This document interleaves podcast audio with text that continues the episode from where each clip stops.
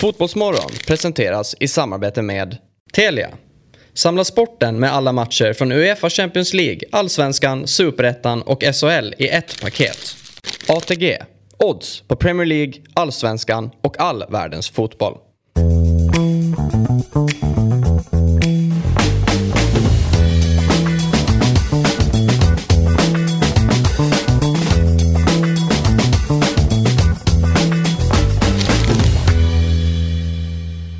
God morgon och eh, varmt välkomna till Fotbollsmorgon fredag den 23 september.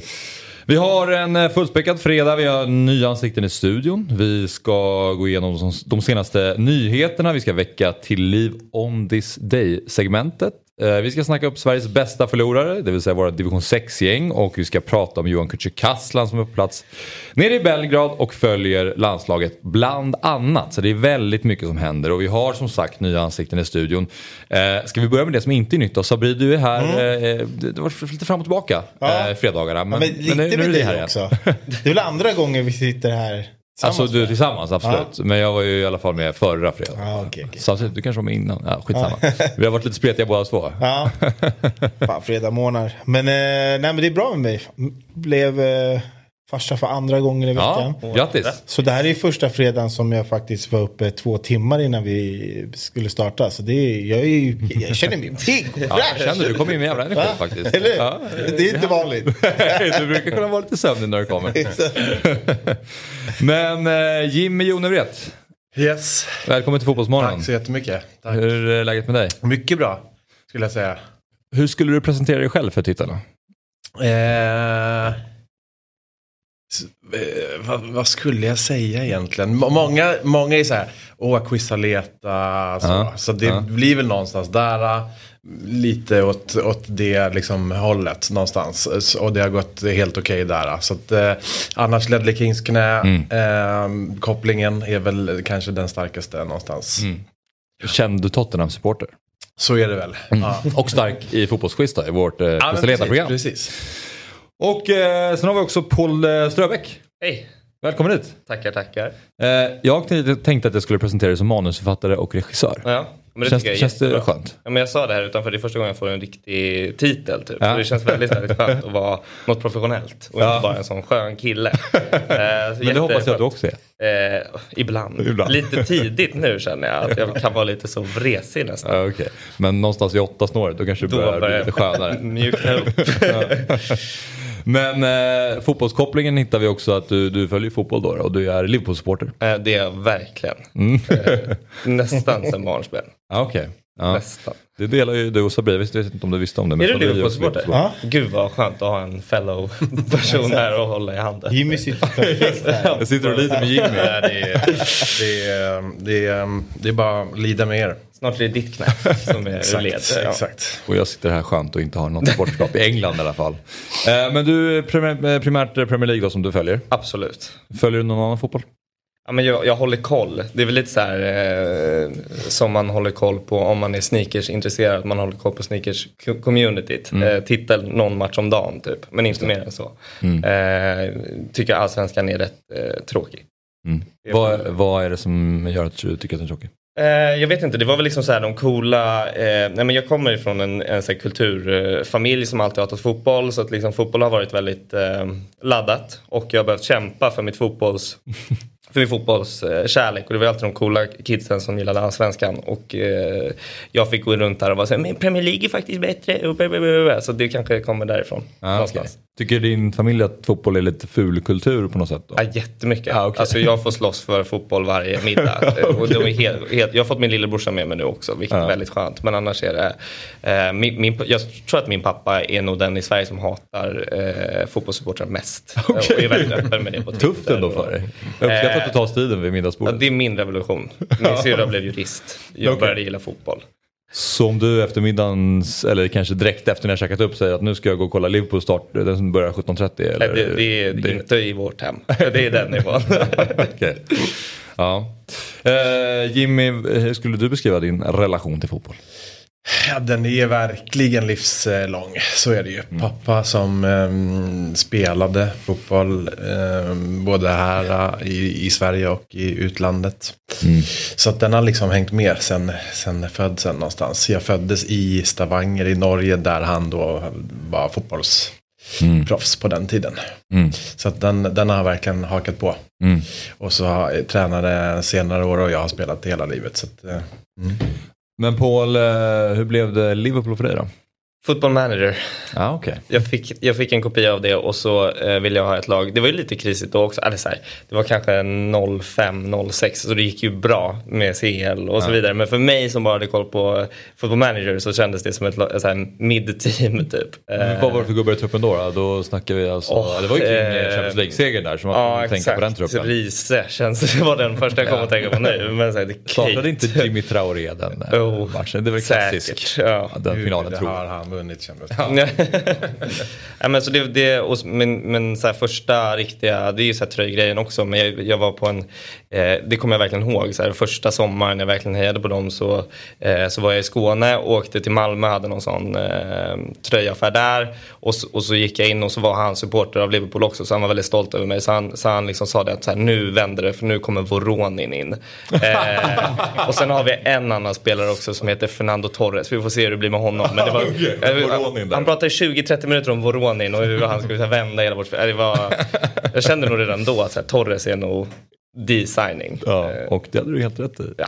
I alla fall under några år där. ja. Sen så hade han lite sämre sejour i Chelsea. Fan. Ja, vidrigt. ja. Men var det alltid eh, Liverpool när du körde FM? Eh, nej, så, jag hoppade. Jag har alltid hoppat runt. Nu spelar jag Newcastle bara för att man får så himla mycket pengar. Och det är så jävla roligt eh, att ha mycket pengar. Eh, eh, och så eh, har spelat lite Serie A nu på sistone. Jag tycker också det är kul för att det är så, eh, allt kan hända. Vilka har du crazy. värvat till Newcastle-saven då? Eh, Isak måste man ju värva nu, vilket är irriterande för han vill ju aldrig komma och han kostar hur mycket som helst. Och så är det liksom eh, Alfonso Davis och alla de här superstjärnorna. Eh, tycker det är toppen kul. Men det blir ju overkligt direkt. Jaha, eh, Nations League, lite landslagsfotboll. Eh, Kroatien mötte Danmark igår och eh, Kroatien vann med eh, 2-1 eh, och äntligen lite grus i det danska maskineriet står det här i körschemat. Tappar första platsen till Kroatien i grupp A1. Eh, upplever ni det så att det är skönt att det går? Ja, Jag är jag är dansk. Så att jag tycker det är svintråkigt. ja, det- Det har ju varit det enda roliga i Nations League att följa dem för de har varit bra. Sverige går ju inte att titta på. Typ. Man blir rasande. Jag tycker det är jättetråkigt men här, samtidigt det är Kroatien. Det är ju rimligt på, Ja. på ett sätt. Och Ja. de har ju varit för bra. Det är skönt att det lite motgång är bra. Men för Danmark har ju varit helt otroligt bra. He- helt galet bra. Ja. Är, men de är ju bra. Alltså de är ju bättre än Sverige just nu.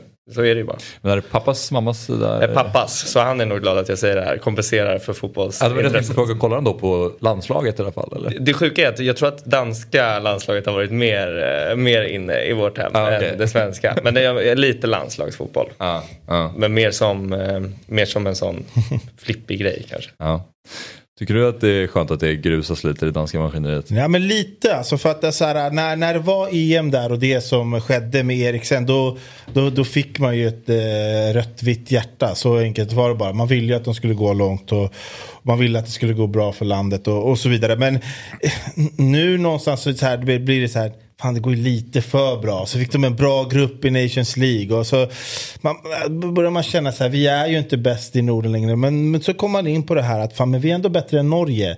Nej, det är vi ju inte längre. För vi har ju torskat två. Nu är vi, Det sämst, vi är nästan sämre än Finland. Kanske. Så, nej, nu, nu, Vi är nere och slåss med Finland, det är ju det är det är ju där vi är. Alltså, vi, Lite alltså, bättre borde vi rimligt vara Hockeyn har ju alltid varit lite jämnt. Innebandyn också. Men ska Finland komma ikapp oss i fotboll det också? Ja, men då, då får vi alltså vad gör vi då? Det finns inget att Vad göra. händer? Ge upp. Men invadera typ. Nu ska man inte säga det i dessa tider, men nästan alltså. Ja, men det har ju blivit så deppigt. Alltså, okej, och så, ja, nej, det är klart att det är lite skönt att det blir lite grus i det där maskineriet. Det, det kan jag absolut hålla med om. Ja, nej, eh, Sverige kämpar. Det blir spännande att se nu de här två kommande matcherna. Då, eh, som det handlar om att inte komma sist i gruppen. Det är det som Sverige spelar för. just nu. Så hur, hamnade vi här? Det kändes ändå ganska spännande för inte Nej. så länge sedan tycker jag. Och nu plötsligt är det så här. Nästan en gubbe som man knappt vet vem det är Nej. som är med i truppen. Så här, hur, hur hamnade vi här? Jag förstår Och ingenting. Slovenien är det väl? Slåss vi inte mot Slovenien? Ja. Det är Slovenien. Jag visste inte ens att Slovenien hemma. fanns typ som land. Nej, om det är fotboll så brukar det ju handla Ja, om Slovakien oftare. ja, men De är ändå helt okej. Ja, de är Men, helt eh, okej. Men absolut, det är inte den största fotbollsnationen vi har där ute. Men vi kommer återkomma till landslaget eh, när vi också ringer upp Johan Kücükaslan. Men eh, Frankrikes landslag då, de besegrade Österrike med 2-0 igår och eh, om vi ska ta och titta på Olivier Girouds målfacit i landslaget eh, så har han nu alltså blivit den äldste målskytten i landslaget på 35 år och 357 dagar och är nu dessutom bara två mål ifrån Thierry Henrys rekord eh, 51 mål i franska landslaget. Som eh, alltså bästa målskytt i... I franska landslaget genom tiderna. Är det sant? Det är gåshud. Alltså det är det ju faktiskt. Alltså vem, alltså, vem fan trodde det om Giroud när han liksom 2016, Men vi, vi 17, frågar oss hur det hamnade här med svenska landslaget. Hur hamnade Giroud där? Det är också helt... Men alltså Giroud är ändå en spelare som, även fast han spelat i Arsenal, Chelsea och så nu i Milan, det är inte inget lag jag gillar överhuvudtaget, så har jag alltid gillat Giroud. Det är, han har ju någon så här, äh, han har någon aura som liksom är, alltså att man tycker om honom liksom, oavsett vilket lag han har spelat i. Så det, det, för mig är det totalt men, det, är- gåshud. det är ju märkligt för att han presterar ofta i de klubbar han är i. Trots det ändå oönskad klubblagsmässigt men landslagsmässigt alltid extremt önskad. Spelar ju nästan alltid oavsett, de har ju sjuk konkurrens. Men startar ju varje mästerskap och gör mål också uppenbarligen hela tiden. Så det är lite märklig fotbollsspelare men lite underskattad ändå eller vad, vad säger ni? Nej men jag, alltså, jag tycker han är toppen. Men, men när la uh, Henri av? Alltså hur gammal vet var han? Ja, för, för, för, det känns ju som att Giroud skulle kunna hålla på tills han är 40. Och då kommer han ju slå honom rätt. Eller det kommer han ju göra nu. Absolut. närmaste matcherna. Men ändå sjukt. Ja, ja, verkligen. Vi ska snart prata lite Sveriges bästa förlorare, men innan vi gör det så tänkte jag att vi skulle bara köra en sån här blixtquiz här.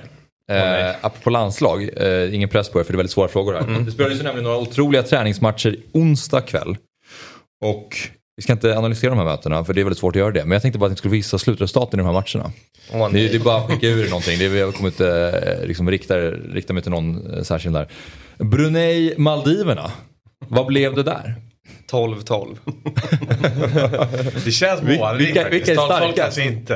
Eh, Maldiverna, det laget, Nej, man nej, ju men velat här tänker vi ju hemmaplansfördel. Eh, vad hette första landslaget? Brunei. Brunei. Ja. ja, men Brunei vann ju den här matchen. Ja, Eh, det, det gjorde jag de. skulle kunna Eh, gissa det också faktiskt. Maldiverna tar en stabil 3-0-seger här. Oj! Jag vet inte om det är en skalp, eh, men de vinner. Men spelades de den i Brunei? Ja, Brunei har en plan. Okej. eh. Gen- Generationsväxlingen i Brunei. Deras fan, Grand har inte gått som de har velat. Där tror jag eventuellt att vi kanske har titeln på programmet. Ja. Eh, Hongkong, Myanmar. Oj jävlar. Känns uppgjort. eh, kunde man betta. Någon blev rik. Eh, Nej Hongkong vann Ja, ja, ja, 3 men Hongkong måste ha vunnit den här. Det Ja men då säger jag emot. Då säger jag Myanmar. Nej, Hongkong vann. Nej. Eh, 2-0. Oh, vad nära var. Det, blir inte, det är inte de här 12-12 matcherna som var ute efter. Återigen stabil seger här från Hongkong. Och sen den sista matchen. San Marino mötte Seychellerna. San Marino har i alla fall lite ha spelare men ni vet ungefär vad de, vad de, Men- vad de går för. Ja. Så det, känns, det här känns ju mer målfatt. Eller jag tänker så här, San Marino gör ju inte mål. Alltså, jag, så här, jag säger bara så här, Ja, jag man kan ha sett något och i mitt huvud så, av det, om det har skymtat förbi på Twitter då har jag 1-1 framför mig i huvudet. Men det kan vara fel. Eh, Så jag, jag, Den här är målsnål, det är det jag kan säga. det är kan man under, nollspelare under utan 2,5 Ruskigt mål. under, men Nej, det, är inget där. Men eh, va, alltså, hur, varför spelar de här en match mot varandra? Eh, oklart, det är träningsmatcher. Spelar de fotboll? Men san, säga, ja, det vore ju kul om San Marino vann, för det är väl den de kan vinna då tänker jag. Så jag håller på San Marino den här Ja, jag förstår det. Och jag gör också det, men tyvärr. Nej. Seychellerna vann inte, men det var ju mycket riktigt inne på det. 0-0. Alltså så, så väntat ändå, för att de, klart att de inte gör mål. Det förstår man ju. Nu eh, har vi eh, skickat iväg Sabri. Och så har vi tagit in Oliver i studion. Välkommen. Tack! Eh, Berätta vad du ska dela med dig av. Mm. Ja, men det är ju fredag va? Eh, och då så har vi en liten tradition här sedan några veckor tillbaka att vi följer eh, de lägre divisionerna i Sverige. Så det är kul att göra den övergången från Nations League till lite mer dassiga träningsmatcher och sen ända ner till Gärsgårdsserien. um, ja, vi har ju en liten, en liten serie som vi följer av, eh, av um, de sämsta, egentligen vill vi inte säga de sämsta, men de bästa förlorarna i, av alla division 6-lag i Sverige. Eh, så vi gjorde en, sammanställde en serie med 12 lag. Eh, kriterierna för att kvala sig, kvala sig in på den här serien är att man inte ska ha eh, vunnit en enda match eh, då tills när den här serien gjordes. Um, och eh, ja, men sen sist så har du hunnit spelat en match i eh, den här serien. Sen i måndags när jag var här senast då. Eh, BK Spark var ute och, och spelade mot Norrmalms IK. Och det blev faktiskt kryss i den matchen. Så de tog en liten oh, poäng där. Så att stort stark. grattis till BK Spark. Då måste vi ändå Var det första poängen? Säga. Uh, jag tror att de hade tagit en poäng tidigare. Okay. Eller så kan det vara så att de ligger typ trea på listan. Ja, det är väldigt stort i alla fall för dem. Det är inte många poäng som de har tagit hittills. Vad är det för stad? BK Spark? Ja. ja. det får vi återkomma till. Uh, de har tagit en poäng sen tidigare. Den här är inte uppdaterad den här tabellen. Men vi, vi, kommer gå igenom uh, matcherna som har spelats i helgen och lite grann med uppdaterade uh, resultat Alingsås. på... Alingsås. Bra. Otto kommer in och skriker Alingsås här. Um, en, liten, en liten by som heter Spark. En liten by som heter Spark. utanför, ja men precis, en, en bollspark utanför Alingsås. Men vi ska faktiskt eh, ta vid någon annanstans. Vårt favoritlag eh, Venestad IF som toppar den här tabellen som har det väldigt kämpigt. Otroligt. de har alltså spelat eh, 20 matcher, det är 20 förluster och de har en målskillnad på minus 188. det är så jävla bra. Ja. Vi pratade med eh, Jerry Sederholm som är tränare i Venestad här i eh, måndags. Mm. Eh, om säsongen och, och, lite tankar och så vidare. Eh, och där fick vi veta någonting väldigt spännande att eh, det är en liten beef där i i deras division, eh, det vill säga eh, division 6 nordöstra Skåne. För i helgen så möter de eh, inga mindre än Linderöds IF. Eh, och på en eh, artikel eh, gjord av Skånes, eller Fotboll Skåne heter de. Ehm, som handlade om Venestad så hade um, Linderöds tränare Magnus Engelsson kommenterat Lägg ner. Uh, det hade Jerry Cederholm reagerat lite på uh, och då kommenterade han så här. Vi ska lägga uh, lite extra krut mot Linderöd den 24 i nionde. Bara för din skull. Blink smiley. Så mycket likes viralt ja, typ. 16. Viralt, Bra Jerry. Mm. 16. Bra, Jerry. Men då ska vi såklart ehm, prata med eh, Magnus Engelsson som vi har med oss här idag. Har vi honom på tråden Viktor? Inte än, men uh, vi kan väl gå igenom lite grann. Uh, jag tycker Lindröd är också lite väl kaxiga. De ligger åtta där eller? Ja, det, det ska ju nämnas att det, Lindröd är inte så jävla bra de heller. de ligger, jag tror att de ligger trea från slutet i, ja, i den här tabellen. Men, ja. men uh, de är ju trots allt 19 poäng framför Venestad. Så det skiljer ju ganska mycket. Jo men det är ju kul ändå är ju att efter 17 omgångar där har de minus 155. och efter eran uppdaterade tabell efter 20 omgångar har alltså minus 188.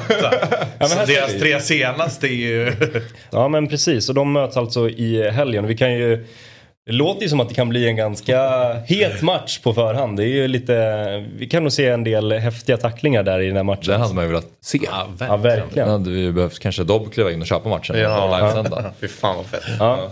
Ja men om man, eh, vi kan ju säga det också att om man eh, vill se den här matchen på, som alltså spelas på lördag så är det alltså eh, Linderöds IP som, eh, som gäller. Det gillar man ju också att det är, vi jobbar liksom IP och vallar i den här divisionen. Det är ingen liksom så här Ja. Det, det, är inga sponsrade stora arenor med, med nya, nya äh, läktare och så vidare. Då går man bakom Anderssons gård och så en liten gräsplätt ja, precis. Man håller på Venestad eller? Det är lite underdogen och det är de som... De är ju verkligen underdog, det får ja. man ju säga. Och... Jag hejar på Magnus. Ja. Så jävla bra kommentar. Lägg ner. Ja. Vi verkar som att vi har lite strul med att få tag på Magnus. Ja, vi kommer till Ja, vi kan väl återkomma. Vi kan vi inte väl... spela in ett, eh, ett telefon? vi spelar in ett meddelande med, med ett samtal om vi Lägg ner Magnus.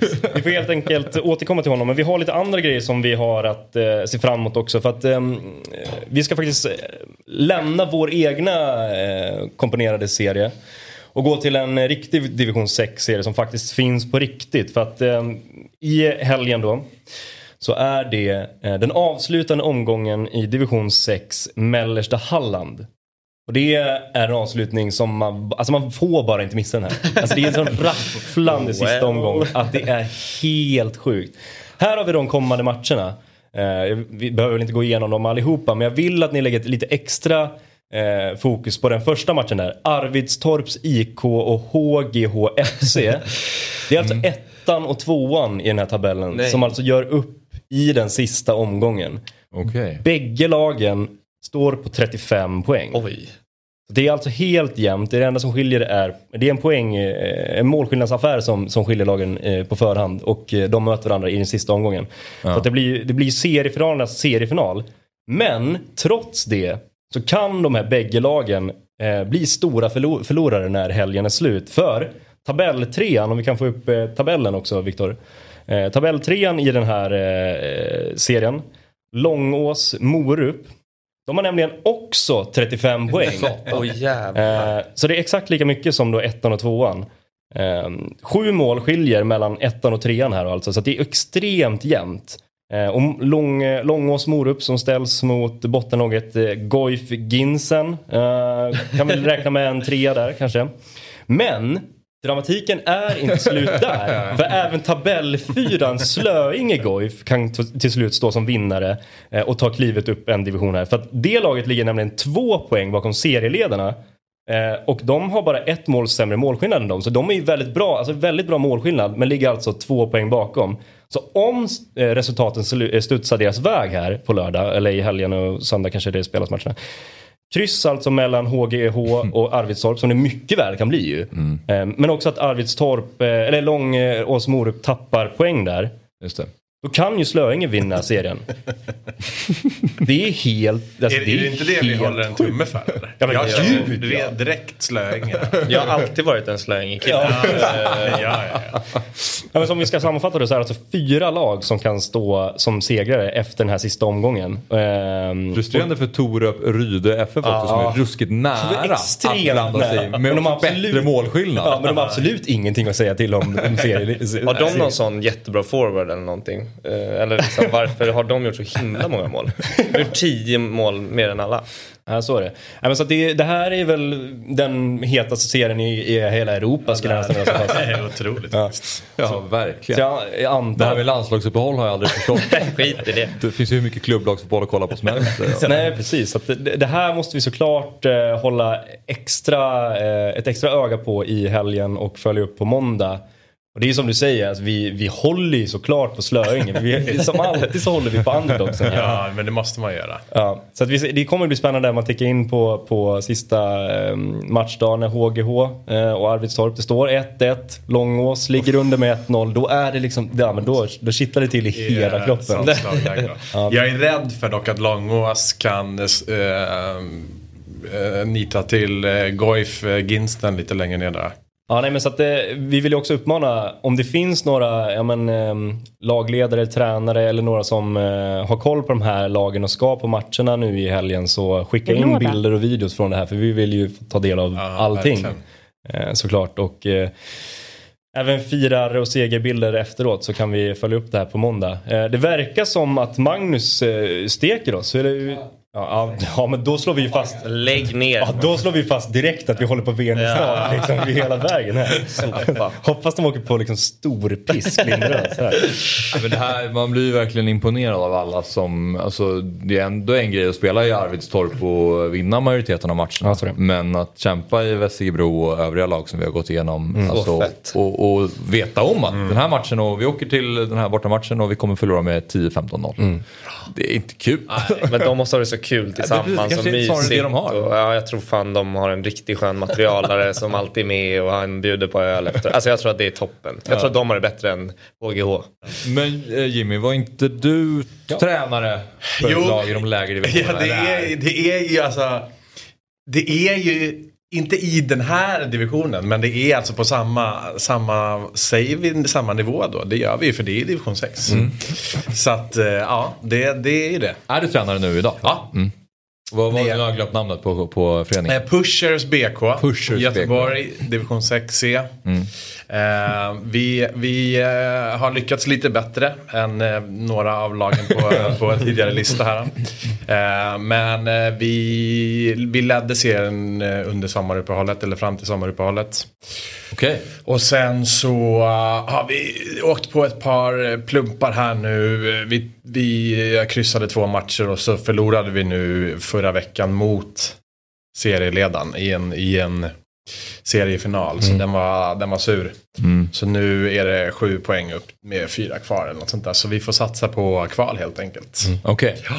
Men du som befinner dig i de här eh, serierna då, om vi, om vi kollar på till exempel som exem, eh, exemplet här med, med Magnus som hade gått ut med lite trash talk och elda igång den här matchen på lördag. Är det mycket sånt skitsnack i dem? För det känns ju som, på, alltså, ens fördomar om de lägre divisionerna är ju att det är, det är hårda tacklingar, det är domare som inte riktigt är med i matchen och det är mycket skitsnack. Liksom. Det är det också, verkligen så. Det, du beskrev det otroligt bra. Det, är, alltså, nå- det, är, det är det vi kan få, liksom, att man kan skriva någonting kul på Twitter för de föreningarna som har det och lite sådana här grejer. Man, man får, det blir våran eh, sak så. Så att eh, det, det är ganska mycket sånt och det är ju skitkul. Och man, man tycker att eh, i, i ringen innan matchen, kom ni ihåg vad de skrev på... Eh, eller, det, blir, det blir våran liksom eh, bensin någonstans. Så det är skitkul och det är...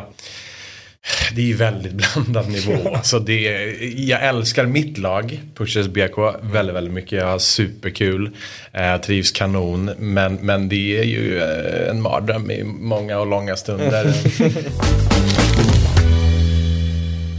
Kvällens höjdare det gör vi ju tillsammans med Telia och ATG. Och Myggan, jag vet inte hur bra koll du har Paul på Myggan. Det är ju våran eh, spelexpert här i Fotbollsmorgon. Har haft det semikämpigt, eh, vi ska vara ärliga. Men igår, Ja. Myggan stekhet. Eh, Myggan vann. Eh, det var Nederländerna över ett- eh, 1,5 mål. Andorra seger Liechtenstein och Färöarna. De kryssade men fick till- tillbaka pengarna. Ändå fick pengarna tillbaka vid lika. Så det är snyggt ja. Ja, ja nej, men... ehm, Fina Andorra hittar Myggan är fin och Myggan är på gång framförallt. Ja, är på gång? Ja, ja bevisligen. Och eh, Myggan har även lite förslag för eh, fredag, det vill säga idag då, och ikväll och sen eh, även lördag. Vi tar och kollar på fredag eh, som ni ser här. Och då har jag fått lite tankar här från Myggan hur han tänker kring de här spelen. Vi har då Georgien mot Nordmakedonien och då ska Georgien gå och vinna den här matchen. Och eh, då har Myggan skrivit att det handlar om att de vinner gruppen med vinst. Och så är de i en otrolig form. Så det är det vi har där och då är jag baserat på det, 2-10 taget. Sen har vi ju eh, Estland-Malta. Estland står i 1,85. Eh, de ska slå eh, Malta här, apropå de här matcherna vi pratade om tidigare. Hur, vet man om hur? Nej. Precis, det känns alltid jobbigt att lita på Estland. Men, men, eh, hej. Men det ska vi göra ikväll. Är, det- är det Malta Kevin Borg, den gamla idolvinnaren? är? Ja, det För att är jag det. kommer ihåg, jag var på en match Sverige-Malta där han körde både svenska och Maltas nationalsång. Och det var fan det fetaste jag någonsin har sett. Det var länge sedan jag tänkte på Kevin Borg. Det var- Ingen har tänkt på det, inte ens han själv. jag tror inte det heller. Han har bara slutat tänka. Eh, Estland eh, säkrar gruppseger vid vinst. Och eh, Malta, de har svårt att göra mål. Bra odds. Estland vann ganska enkelt bortamatchen. Då är ju 1,85 väldigt trivsamma odds får vi säga. Och sen har vi eh, Bosnien-Hercegovina mot Montenegro. Eh, och eh, då har vi alltså full tid Bosnien där och sen så även totalt antal mål under 3,5. Totalt 2,32 i odds. Och här har vi även så att Bosnien kan vinna gruppen vid seger och det är två målsnåla lag vi har att göra med. Så att eh, total insats här 35 kronor. Snålt. 9 gånger pengarna. Möjlig utbetalning 315 kronor. Det är så det ser ut. Sabri den är fin. Helt okej. Ge Myggan lite cred här. Ja, men bara för att han vann igår. Du vet att jag och Myggan egentligen ska tävla mot varandra. Men eftersom jag har varit sjuk varannan fredag så har jag inte fått vara med riktigt. Men jag kanske ska göra en. Ska också hitta någon. Hitta på en nu Ja. bara, på känsla. Bosnien här ska vi över 3,5 mål. Mal- Malta, Nordmakedonien, draw. Raka motsatsen. Det kan man göra om man vill, men det här är alla Myggans förslag. Nej, det vi, har även, vi har även lördagsförslag från Myggan. Då. Eh, ser ut så här. Då är totala oddsen uppe i 10,33 Israel, Albanien. Island ska slå Albanien hemma 2.40 och eh, återigen här, Israel säkrar gruppsegern vid seger. De har vunnit fem av de sex senaste hemmamatcherna. Eh, så att de är starka. Och eh, sen så har vi Slovenien-Norge. Och då ska Norge göra över 1,5 mål. Och det är väl bara att de skickar fram den där roboten där fram. Det kan räcka. Är han med så är det ju redan inne. Ja. Det är också det som eh, Myggan skriver här, Håland i eh, storform och hämnd för 0-0 matchen i Oslo. Så det blev 0-0 i Oslo. Så nu är det dags för Norge att ta revansch då på sjukt. Slovenien. Ja, verkligen.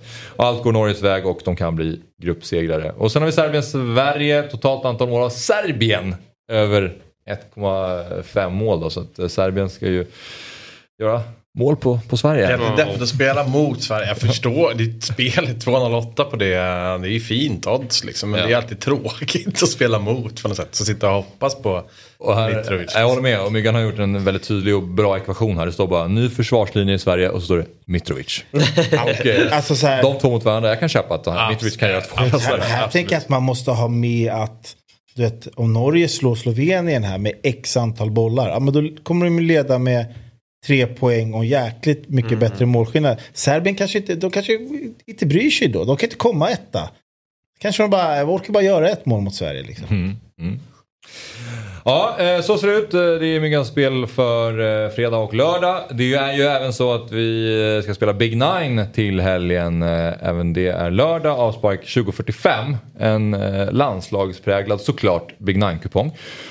Och eh, här så ser ni då att wildcardet just nu, det vill säga det som är som en helgardering, ligger på Serbien-Sverige. Men här får man ju välja fritt. Jag har inte satt några tecken utan här ser vi bara själva kupongen då. Så har vi Tjeckien, Portugal, Spanien, Schweiz, Skottland, Irland, Israel, Albanien, Danmark, Frankrike, Nederländerna mot Belgien, Österrike, Kroatien och Wales, Polen.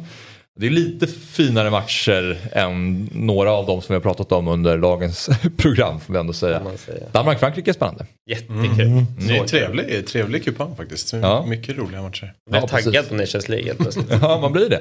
Vad säger du Sabri? Har du Nej, men några alltså, min, tips? min spontana reaktion när det kommer till just landslag, jag vet inte varför, men, men det är att det kan ske lite mer alltså, skrällar. Och det, alltså, skrällarna i sig behöver ju inte vara liksom det ligger ju på vad svenska folket har liksom. Det, det, det är ju vi själva som gör ett lag till favoriter. Men liksom så här Danmark hemma mot Frankrike, du vet det är, det- där kan man absolut ha med ett kryss, kanske till och med en etta. De kommer ju ge förmodligen Frankrike en chans. Alltså där är det kul att inte spika Frankrike som är ganska högoddsare. Men, eh, men när han ändå var i, jag hade ingen koll sådär på Israel, men alltså fem raka segrar hemma kan ta gruppsegern. De är sträckade 65 procent. Jättemysig spik skulle jag säga då. Sen om det blir över eller under, det, det är svårt att... Nej precis, för det ska vi får jag- tillägga också för de som inte har spelat Big Nine tidigare så ska man sätta ett kryss 2 men du ska också spela över eller under 2,5 mål. Precis. Eh, det är så det funkar och så har du ett wildcard som blir som en helgardering. Men Sabri, tillbaka till kupongen då. Har du några, några fler tips? Nej men alltså, ska vi säga två spikar? Jag gillar att spika en eh, stor favorit och så en lite mindre procent. Alltså säger vi, säg Spanien då, mot Schweiz. Eh, eh, en spik där. Där, där, där spikar vi favoriten. Och så spikar vi också Israel hemma mot Albanien då. Det, det är myggans spik, kallar jag det. För jag har inte riktigt kollat. Jag hade ju nog lagt lite mer gardering. Men den, när jag hörde det så lät det lät för bra för att inte. Och jag kikar på procenten. Det känns lagom. Eh, så där har vi två spikar. Och sen eh, ska vi kika lite på. Det, just nu är ju, vad heter det, sista matchen Wales-Polen. Det är den som är mest wildcardad. Eh, efter liksom Serbien-Sverige då. Det känns som att många går på hjärtat där. Med, jag tror inte att Sverige har en chans att vinna. Men det här, back to basic, kriga till sig ett kryss. Kanske lite ett omotiverat Serbien. Så krysset får vi ha med på Sverige. Det är, då spelar vi lite med hjärtat. Måste man. Eh, tvåan kan vi utesluta helt. Eh, men eh, ja, sen är det en in- intressant lapp. Sen där, då har vi våra två spikar. Vi har eh, en, etta, en, en, en dubbelchans i, i match ett. Sen får man ju kika lite vad man ska slå in sin, eh, sitt wildcard då. För det är ju automatiskt rätt. och så är det. kanske man, många tar ju den på en match som man absolut inte har någon koll på. Men jag gillar ju att ta där det kanske också finns en stor skrällchans. Så, ja. Det är ju eh, jackpot. Eh, en och en halv miljon och eh, vi kör ju också våra från Eurotalk Weekend, vårt lördagsprogram.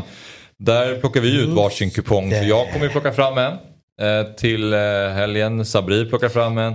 Jalkemo plockar fram en, Kalle plockar fram en åt YouTube då. Så att eh, ja, det kommer bli nio rätt i helgen i alla fall på min kupong, så är det. Eh, ni har ju QR-koden där nere i bilden, nu tror jag pekar rätt. Jag får en tumme upp av Viktor. Fan vad härligt, jag brukar alltid peka liksom hitåt och liksom upp, upp helt fel hörn. Men eh, det blev rätt den här gången i alla fall.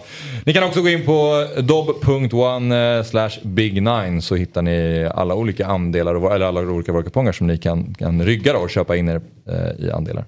Så är det och kom ihåg att man måste vara över 18 år för att spela och om du upplever problem med spel så finns stödlinjen.se. Eh, vi ska ta och gå vidare i eh, Fotbollsmorgon. Och eh, vi har ju ett segment som vi kallar för On this day. Det är alltså någonting som har skett eh, på den här dagen. Det spelar ingen roll när utan bara ett gäng år sedan.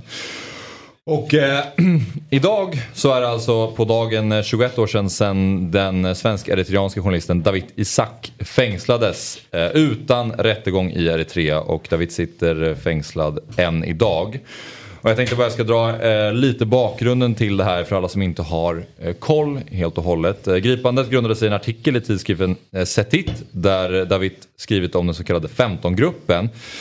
Som var en grupp politiker och eh, ministrar som hade eh, kritiserat president Isaias eh, Afwerkis styrning av landet. Och 15-gruppen krävde demokratiska reformer i landet men presidenten ville tysta all debatt i landet. Och den 23 september 2001 arresterade den eritreanska säkerhetspolisen David Isaki hans hem och därefter så fängslas han, andra journalister och merparten av 15-gruppen helt utan rättegång. Eh, David Isak har blivit en stark symbol för yttrandefrihet och eh, fängslandet av honom visar att vi inte får ta den rätten för given. Eh, än idag fängslas, eh, motarbetas och förtrycks, till och med dödas människor på grund av sina åsikter eller journalistiska uppdrag. Eh, men David Isak har eh, även en stark koppling till fotboll här hemma i Sverige. Örgryte IS har sedan länge visat sitt stöd för den eh, fängslade journalisten och eh, David Isak har en egen stol på Gamla Ullevi. Hans eh, medlemskort i klubben är det första som skrivs ut varje år och banderoller och tifon med stöttande budskap förekommer på ÖIS matcher. Därför så ska vi nu prata med Björn Nilsson som är evenemangsansvarig i Örgryte som ska förklara lite mer kring bakgrunden till detta. Välkommen till Fotbollsmorgon! Tack och bock. Eh, Björn Nilsson, alltså evenemangsansvarig, tidigare arbetat många år för eh, Örgryte. Eh, Björn, hur, eh, hur startade Örgrytes eh, engagemang för David Isak? Ja, det hela startade med att jag, det var ju egentligen så att Isso jobbade, hans bror Isaias jobbade i ett projekt som vi hade med Zambia, eh, i, med Chiparamba. Och då jobbade han hos oss. Under den tiden då så fängslades David. Mm. Och eh, efter det, eh, när det hade gått några år där egentligen så hade vi en klubbdirektör här som eh, började prata med Isaias och undrade vad som hände. Helt enkelt, han var nyfiken vad som hände. Och Isaias berättade då att han hade försökt att få tag och få lite opinion i tidningar och media men det var ingen som tyckte att det var så intressant just då. Nej. Och då tyckte vår klubbdirektör som var där att det var ju för jävligt. Så att han, eller vi i ÖIS försökte kalla till en hearing nere på eh, Järntorget. Men visste ju egentligen inte vilka vi skulle prata med. Nej. Eh, så vi tog hjälp av eh, Publicistklubben och Svenska PEN och Amnesty. Och kallade till den här hearingen med politiker och så nere på Järntorget i Göteborg. Och det var 2003-2004. Mm. Så där börjar väl vårt riktiga engagemang. För att, och sen har det hängt i. Mm. Hur, och hur, kulminerar väl under 2009 egentligen. Ja. När det verkligen tog fart. Ja, precis. Men hur har ni liksom regelbundet jobbat med den här frågan då sen, sen det startade? Ja, det har vi. Eh, och då, eh, sen har det gått upp och ner lite grann. Eh, men 2009 så blev det, tog det lite mer fart när vi blev anmälda för den här banderollen som vi hade på Gamla Ullevi eller våra supportrar hade hängt upp en banderoll med, som det stod Frida vitt på. Mm. Imprisoned in Eritrea. Uh, och vi blev anmälda för den uh, till Svenska fotbollsförbundet för politiskt budskap. Mm. Uh, och där och då tog det ordentlig fart både i morgon-tv och i, överallt. Eh, Så frågan eh, fick ju liv där. Mm. Och eh, då sa vi det att Expressen gick in och sa att de skulle betala våra böter. Men vår ordförande tyckte att de ska vi betala själva om vi, om, om vi blir fällda för en sån här sak. Eh, och då satt vi här på våra kontor och tyckte att nej, men blir vi fällda för det där då kan vi lika gärna köra hela vägen. Och då skapade vi den här David-matchen bland annat. Mm. Vi kör varje år. Precis, vad, vad innebär David-matchen? Ja. Det innebär att vi dedikerar en hel fotbollsmatch till David på Gamla Ullevi. Mm. Eh, där vi med olika budskap och så eh, försöker väcka frågan. Det är ju så att man får inte glömma bort honom. 21 år, det är Nej. lätt att man glömmer av. Eh, man, vi får inte glömma av att han sitter där. Mm. Eh, och då... Eh, sen har vi döpt våran pressläktare till Davidläktaren. Den heter ju det på ÖIS matcher på Gamla Ullevi. Mm. Och så har han en egen stol. Han har ju en tom, det står en tom stol på Gamla Ullevi. Det är så många tomma stolar. Men en speciell tom stol på pressläktaren är, för David. alltså. Och där bredvid den så sitter Isaias på alla matcher. Fint. Mm. Ja, väldigt fint. Eh, på vilka sätt stöttar ni honom i, idag då? Utöver matchen tänker jag på. Idag, idag, ja, idag är det så också att vi har ju våran lagkapten Daniel Paulsson som har varit öisare sedan han var två år, eller ett år. Eh, han fyller ju år denna dagen också. Allt helsike. Men Mm. Eh, idag är det att vi lägger ut i våra sociala kanaler och så här. Eh, vi hade David-match förra veckan. Mm. Eh, så den, det, pass, det passar inte riktigt. Men däremot har vi en... Våra damer spelar nu på eh, söndag. Mm. Då kommer vi också uppmärksamma det på dammatchen. Mm. Hur, hur mycket uppmärksamhet upplever du att fallet får idag? Ehm, och är det tillräckligt mycket? Nej, det är inte tillräckligt mycket. Nej. Det, det, det är ju alldeles för lite. Vi har, vi har en svensk medborgare som sitter fängslad i Eritrea utan rättegång. Det är ju Mm. helt sjukt. Mm. Eh, hade han, eh, vi är ju den eh, uppfattningen att hade han hetat Nilsson, Andersson eller Jonsson så hade han inte suttit där nu. Eh, så är det ju. Och det, har, det har funnits, eh, det har varit en del olika regeringar och eh, opinionsbildare under de här 21 åren men det har liksom inte hänt någonting. Nej. Eh, och så fort vi, man ställer frågan till dem eller man, så fort man får ett möjlighet att ställa frågan till eh, ambassadörer och annat så är det ett känsligt läge. Eh, och det har varit ett känsligt läge under 21 år. också. Mm. Ehm, man, man får liksom inga svar. Nej. Vi, vi ska snart prata med Davids bror eh, Esaias eh, och som vi förstår det så hade du kontakt med honom i samband med eh, Davids fängslande för 21 år sedan. Kan du berätta om det? Ja, det stämmer. För jag var också inblandad i det projektet. Jag jobbade i ÖIS redan då. Så jag började här 98. Alltså, och det var, de här zambiska killarna bodde hemma hos mig. De två som vi hade tagit hit då, eller som var här och spelat hos. Mm. Eh, Så jag stod och gjorde pannkakor dem hemma en eftermiddag där eh, någon gång. Alltså det, det är månadsskiftet tror jag. Eh, September, oktober där 2001. Och då kommer Isaias upp för han var lite fadder för dem. Så han kom hem till mig där och så sa han till mig att eh, min bror har blivit fängslad Mm. i Eritrea.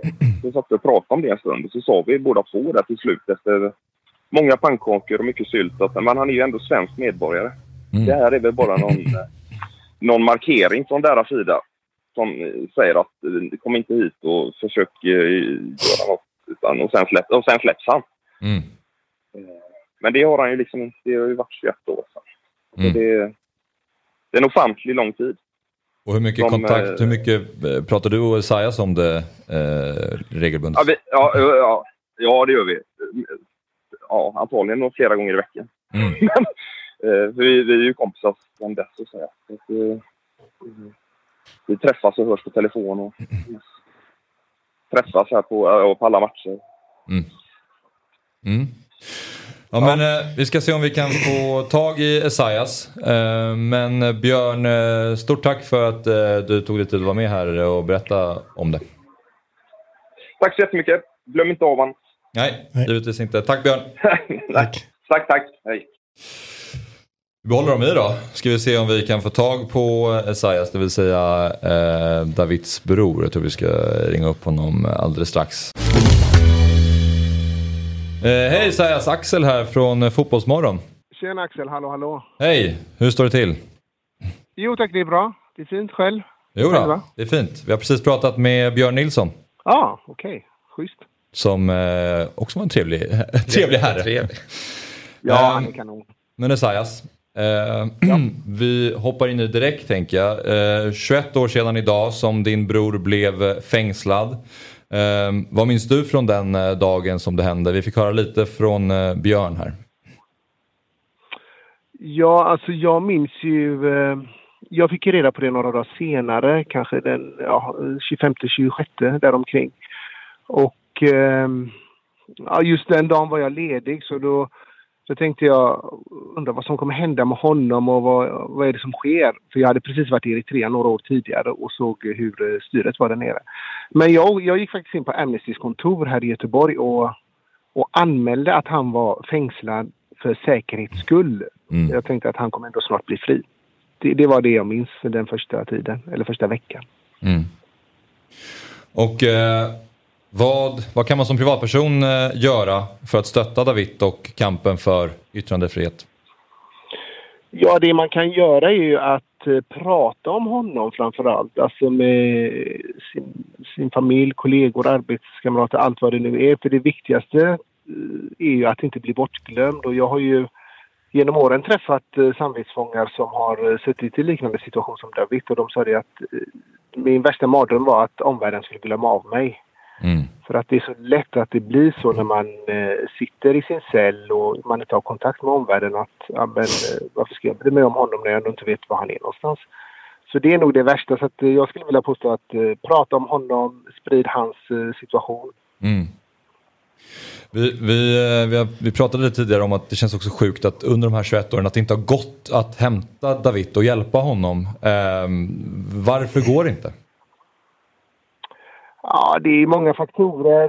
Eh, Man får också tänka på att motparten i det här läget, Eritrea, inte villiga att diskutera Davids öde. Nej. Eh, inte ens vi som eh, nära anhöriga familjemedlemmar har ju liksom någon access till honom och det gör att det är oerhört svårt. Eh, de menar på att det här eh, har inte ni med att göra, det är vår ensak. Så att de har i princip kidnappat honom.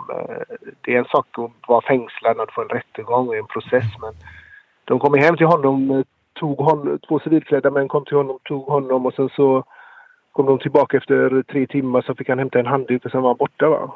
Mm. Eh, så det, det är fruktansvärt öde och vi, vi trodde aldrig att det skulle hålla på så här, eh, vi i familjen. Och definitivt inte David, det vet jag. Nej. Vad, vet, vad vet man om eh, Davids situation idag? Ja, vi försöker fiska fram information men det är oerhört svårt i ett land där det bara finns en radio och en tv-kanal och det är ett parti som styr så att det, det är jättesvårt men eh, vi kämpar på och jag brukar säga så här att om, om David inte hade varit vid liv så hade vi fått reda på det. Eh, han är inte ensam om att bli fängslad för 21 år sedan. De var ju en 16-17 journalister. Och de som inte är vid liv har det sipprat ut att de inte är vid liv. Men eh, jag tror att den eritreanska regimen är oerhört rädd att det ska hända David något. Och det är tack vare alla som pratar om honom eh, runt om i världen. Eh, och i synnerhet här i Sverige då. Mm. Eh, och som sagt, vi pratade ju med Björn tidigare lite om Örgrytes engagemang. Du är ju själv stor ÖIS-supporter. Kan du berätta lite om ditt eget supporterskap? Ja, alltså jag har ju varit öisare sedan barnsben och gått på matcher. Och, och sen så, ja, genom Björns engagemang då så, i och med att han arbetar för klubben så, eh, ja, och en eh, dåvarande klubbdirektör, Mikael Pettersson, så, så tyckte ju de att vi skulle göra någonting kring David. Eh. Och sen har ju Mikael slutat för länge sedan men Björn är ju den tillsammans med övriga föreningen då, som driver eh, frågan. Och jag tycker det är väldigt fint för att ja, oftast så tar inte fotbollsspelare eller idrottare överlag någon ställning eller någon förening. Mm. Men här har man valt att göra det och jag tycker det är väldigt fint. Och, eh, på något sätt så önskar jag ibland att fler föreningar tog sig an frågor överlag som kanske inte är fotboll. Men jag menar, det, det är viktigt att man kanske får reda på vad som händer utanför fotbollen. Även om de, de givetvis har tränat tusentals timmar och inte får bli aktivister. Men eh, ja, de lever i sin bubbla lite grann. Men eh, killarna gör sig fantastiska. Och när jag var där i, i förra veckan och pratade så var det ju en del spelare som var födda 2001. Eh, och ja, det blev liksom en liten tankeställare för de killarna Ja. då. Han har suttit så länge och som Daniel Paulsson, eh, kaptenen, han fyller i år den här dagen, 23 Mm. september. Va? Så det blir också ja, någon verklighetsförankring på något sätt. Mm. Ja, jag tolkar det som att du ändå tycker att det fler svenska klubbar bör ta ställning i den här typen av frågor och visa sitt stöd för till exempel yttrandefrihet. Då. Ja, det, alltså, det kan ju vara mänskliga rättigheter överlag men som sagt eh, det, det är fotbollsföreningar och de är liksom inte...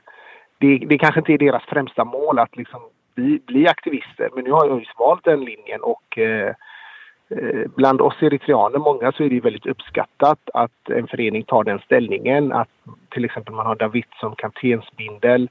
Eh, pressläktaren på Ullevi heter Davidläktaren när vi spelar. Så att man har gjort massa sådana saker som nummer 37 har man liksom hedrat till Davids Mm. Ja, han var ju 37 när han eh, fängslades då. Eh, så att det, det, jag vet inte, det kanske är svårt att säga men någon form av engagemang skulle man ju tycka att det vore, vore schysst. Mm. Eh, kan jag tycka. Hur stort genomslag upplever du att ÖIS eh, engagemang har, har gett? Hur mycket betyder det engagemanget för, som du säger, att det är viktigt att, att prata om det så att det når ut till folk? Jo, men det är, ganska, det är väldigt stort skulle jag vilja säga. Jag vet att en spelare eh, berättade för mig för några år sedan. Han var på en tillställning och så var det några som pratade om David och då sa nej men vänta nu, det där är fel. Vi har fått den här informationen från klubben för hans bror var och pratade med oss. Jaha, okay. är det så här det är? Så att, eh, och sen så även i, som jag sa då, i eritreanska community så det, det, det, är stort alltså och den här informationen når ju också Eritrea. Sen bryr de sig kanske inte om om en klubb i Sverige engagera sig för honom men ändå att, ändå att det görs. Det är viktigt. Och framförallt att fler svenskar då vet om och upplyses om situationen. Eh, ja, precis. Isaiah, eh, Sabri jag först eh, såklart beklagar hela händelsen och jag förstår att mm. ovissheten av att aldrig få svar måste vara hur jobbig som helst. Men jag, du, du, berättade lite där om att du, du liksom föreläser för spelarna i, i Örgryte och vissa spelare var ju knappt, eller var kanske inte ens födda när det här hände. Men jag tänkte så här, vi har ju ändå ett par spelare i Sverige som har blivit väldigt kända med eritreansk bakgrund. Eh, har, har, känner du något engagemang från deras sida? Jag tänker liksom på att vi, vi har Henok, vi har Alexander Isak nu och, och så vidare. Mm. Nej, det har jag inte gjort och jag känner eh, varken Henok eller Alexander fantastiska duktiga spelare på alla sätt och vis men det är det, man får ju liksom välja sina val vad man vill eh, sätta sin fråga på och för att man är eritrean så betyder det inte att man ska vara någon talesperson för, för sina landsmän men jag skulle absolut välkomna om de eh, eh, engagerar sig eller tog ställning i frågan. Eh, men hittills så har jag liksom inte hört någon eritrean överlag som, har, som är känd liksom, som har eh, med idrottsprofil tagit ställning i detta. Mm. Nej. Jag... jag vet bara att vi har, det finns ju ett par liksom svenskfödda eritreaner som ändå spelat i eritreanska landslaget och så vidare. Så mm. därav min fråga.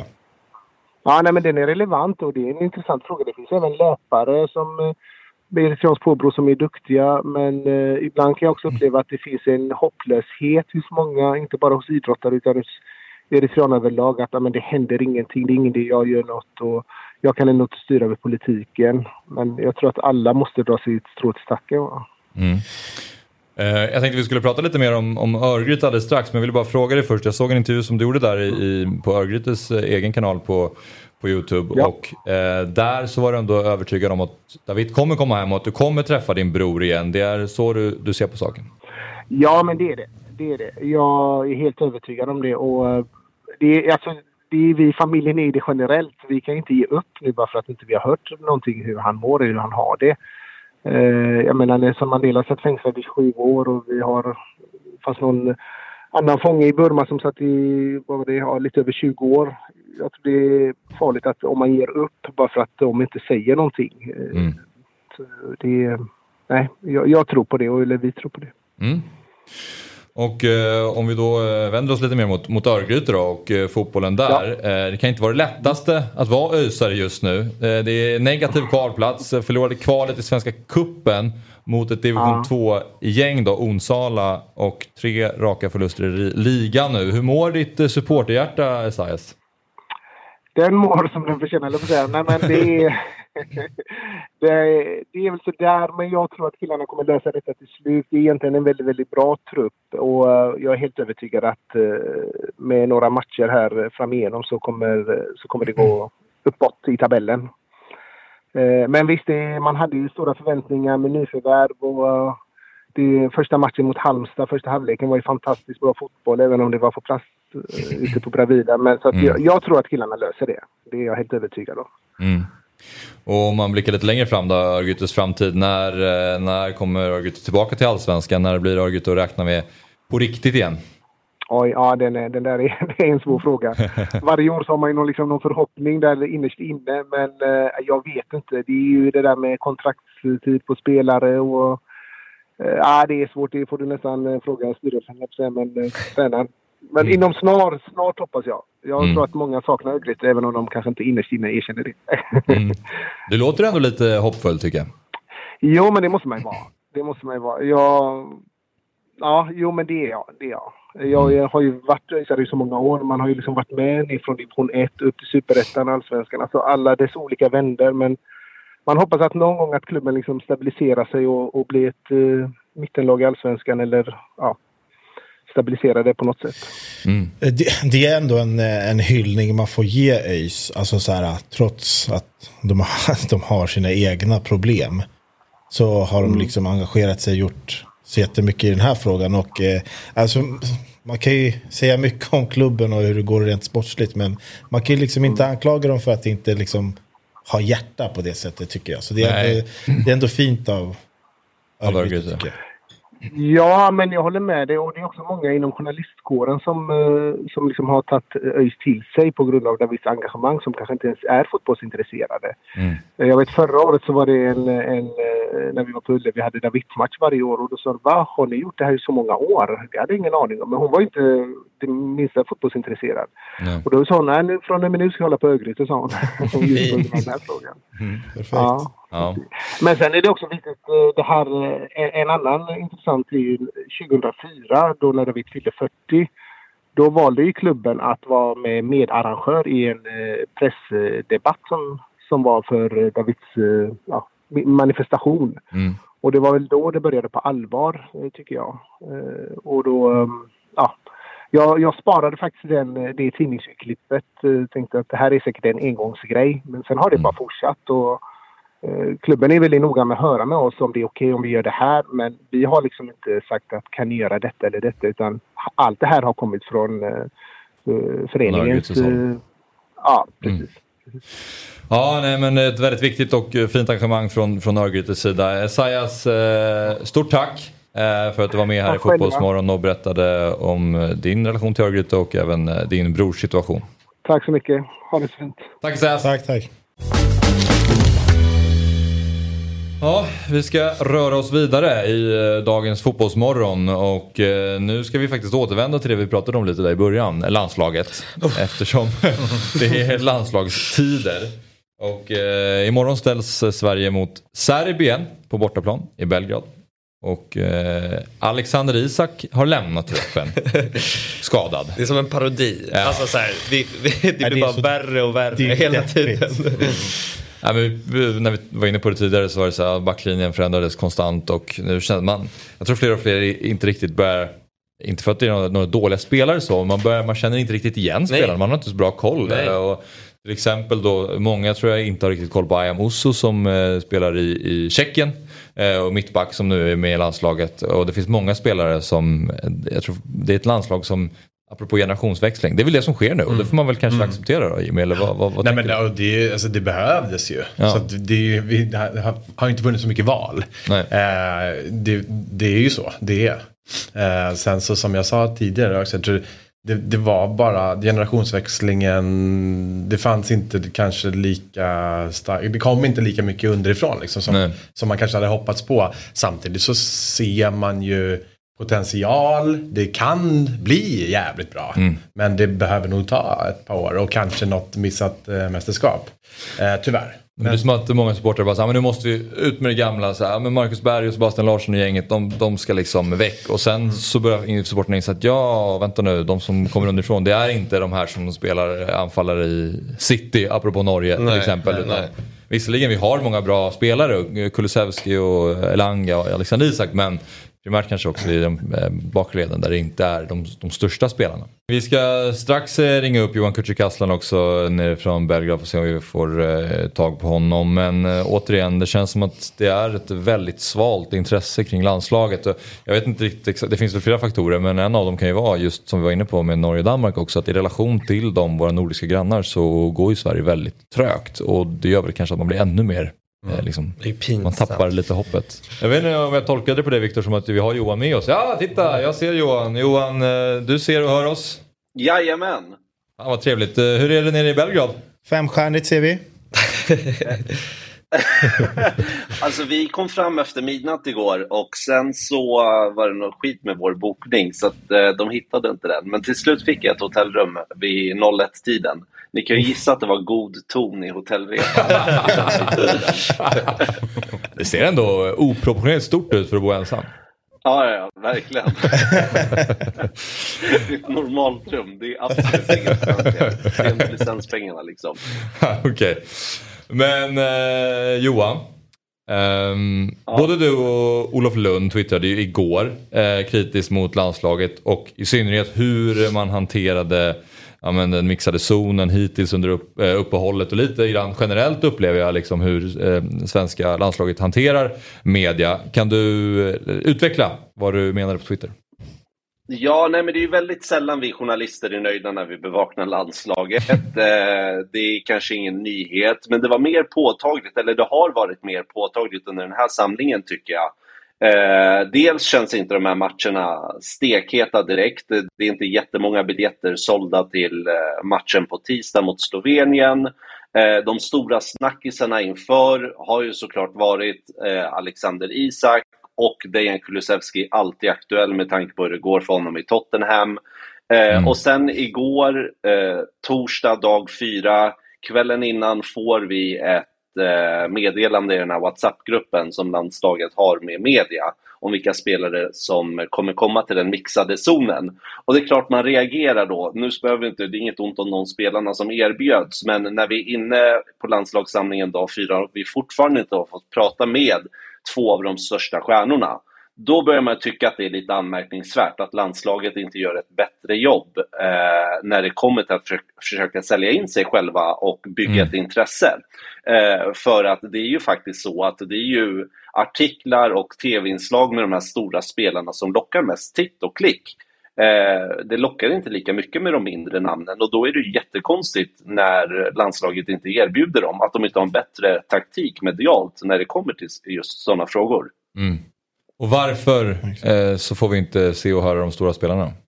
Vad, ja, men jag pratade med landslagets alltså? presschef eh, Jakob Kakembo Andersson igår eh, och han sa att här, tanken var att Alexander Isak skulle göra media men sen i och med att han hade den där skadekänningen så blev det inte så. Och då känner man, men varför kan ni inte vara lite flexibla då och skjuta in eh, Dejan Kulusevski istället?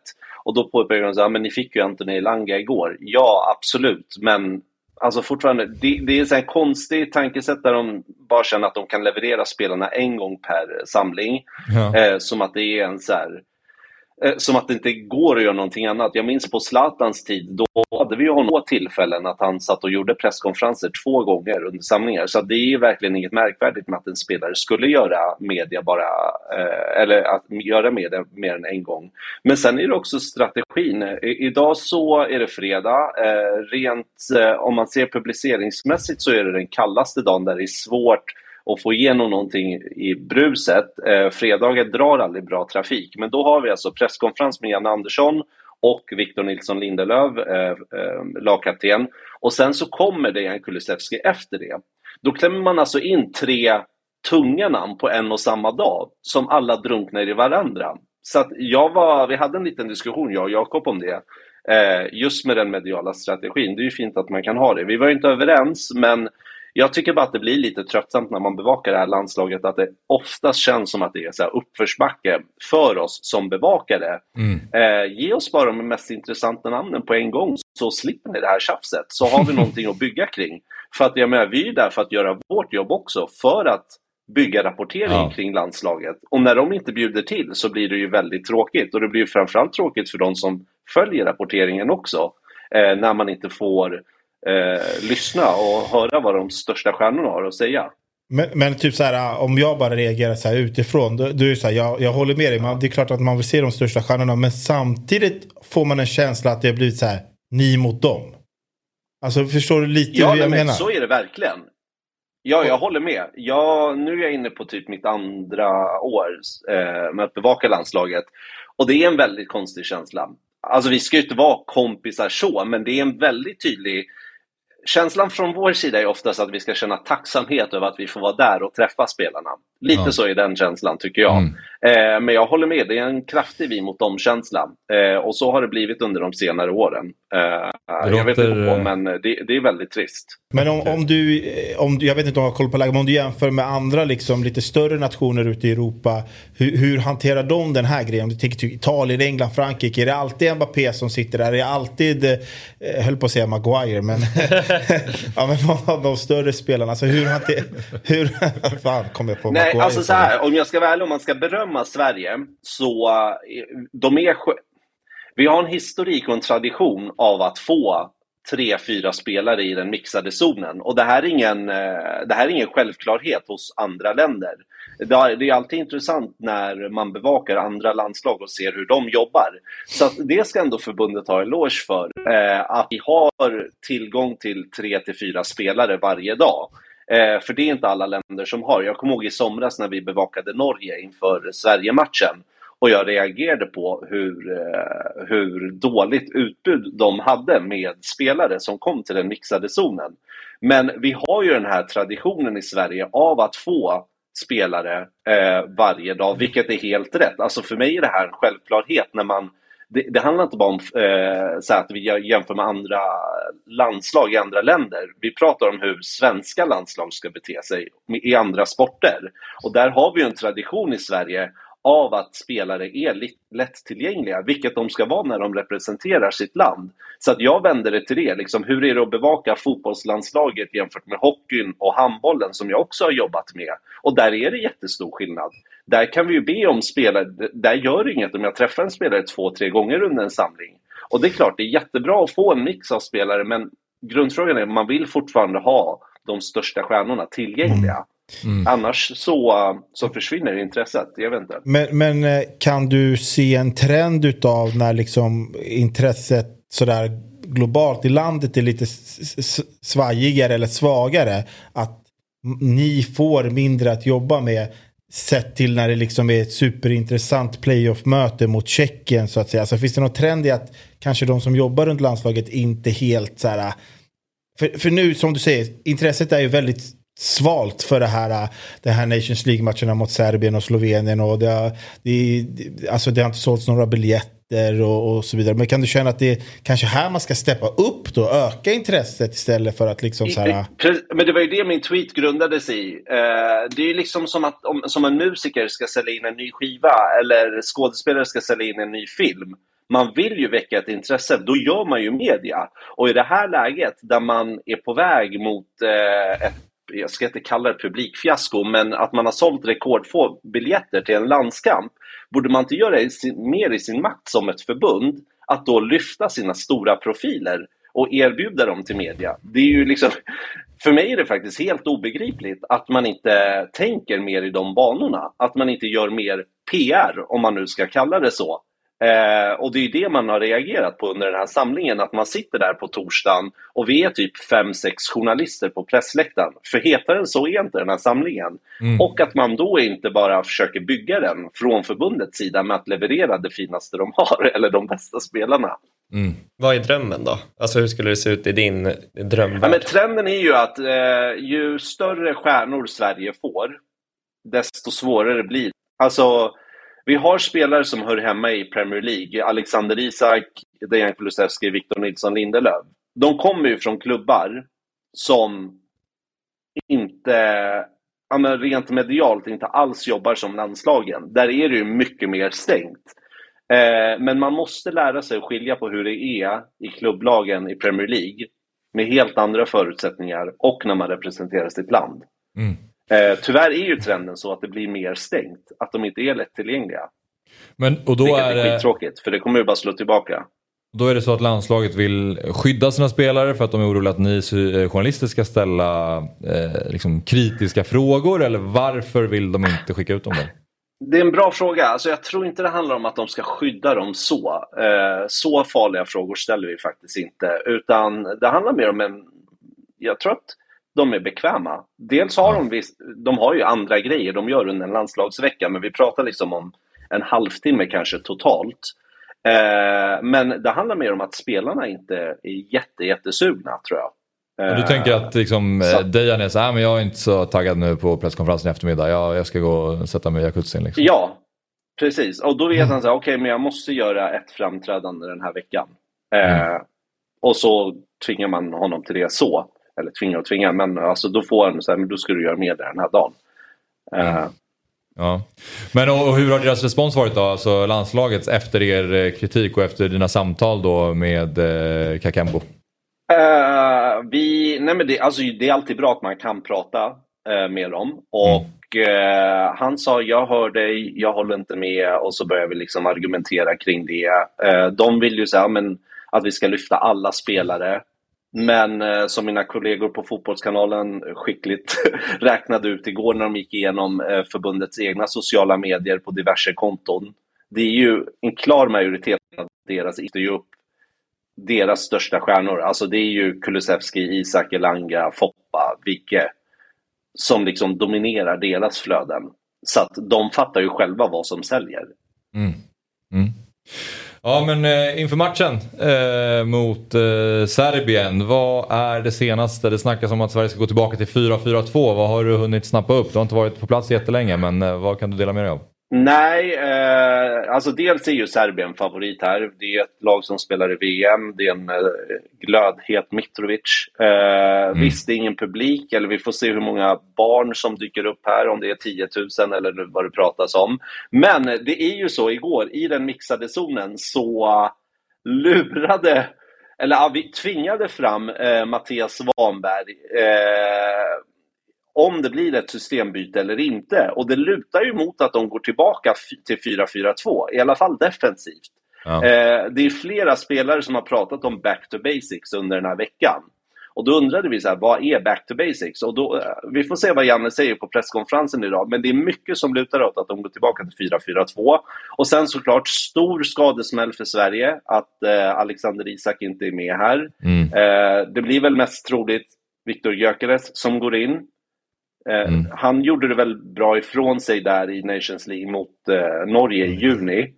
Eh, sen vet jag inte hur hans form är. Det vore kul att se Mikael Ishak, ja. kanske. Som har en otrolig form. men jag tror inte att Janne kastar in honom från start. Har du den eventuella startelvan i huvudet? nej, det är för många frågetecken. Mm. alltså, jag, jag är hundra på att eh, Viggo och Isak igen startar ihop. Jag tror Joel Andersson till höger, Ludde Augustinsson till vänster. Mm. Eh, sen Jens Kajuste ser jag också som, jag ska inte säga given i starten, men jag tror han startar honom för att han gjorde det bra ifrån sig i juni. Kristoffer Olsson kommer få en chans till, har gått bra i Danmark. Foppa, Claesson. Om det blir 4-4-2, ja. ja. de fyra i mitten. Sen Kulusevski och Gyökeres uppe, mm. uppe på topp där. Mm. Och sen offensivt nu om de går över till 4-4-3 så blir det väl att Claesson tar steget upp. Och när man hör den elvan så tänker man då, ah, okej okay, men det saknas ju 10, 15, 20 namn. Men det saknas Alexander Isak och ah. typ Albin Ekdal. Eller Det, det är ingen jättelång ja. skadelista.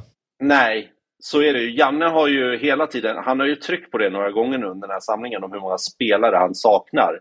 Men som du säger, det är ju egentligen två spelare som saknas så. Mm. Och Emil Kraft eh, ute till höger såklart. Just det. Mm.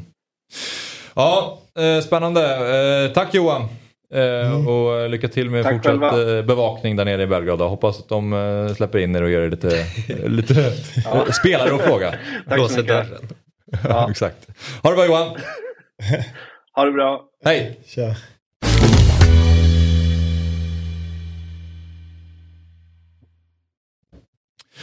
Ja, eh, det var morgonens program. Otroligt. Ja. Mm. Vad känner du Paul? Var det trevligt att sitta i Så mysigt. Det är som att sitta med några polare och dricka öl typ. Ja. Asmysigt.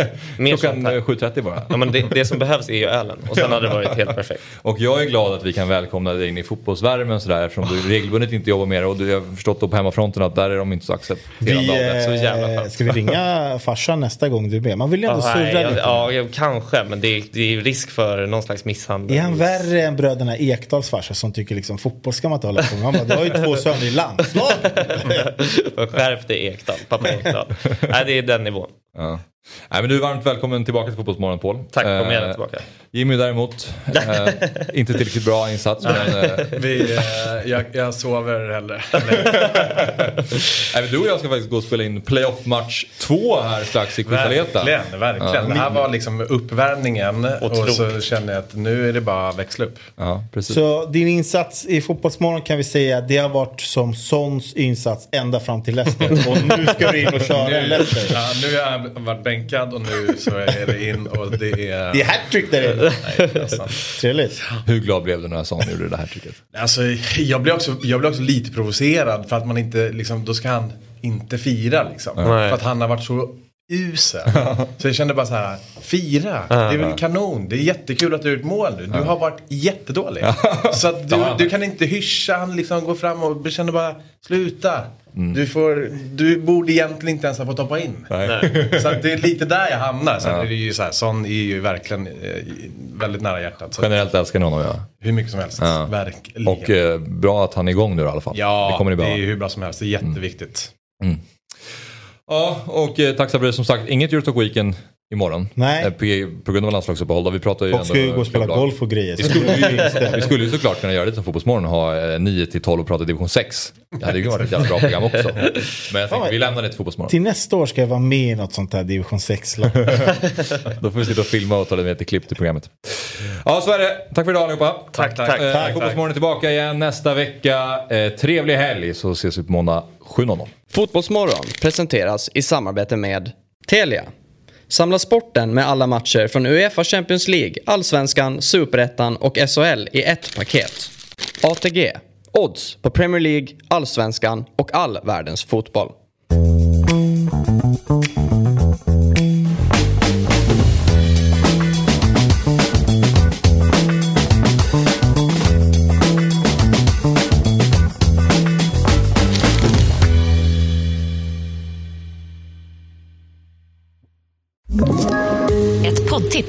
Podplay. I podden Något Kaiko garanterar östgötarna Brutti och jag, Davva, dig en stor dos skratt. Där följer jag pladask för köttätandet igen. Man är lite som en jävla vampyr. Man har fått lite blodsmak och då måste man ha mer. Udda spaningar, fängslande anekdoter och en och annan arg rant. Jag måste ha mitt kaffe på morgonen för annars är jag ingen trevlig människa. Då är du ingen trevlig människa, punkt. Något Kaiko, hör du på Podplay. Därför är gardinerna.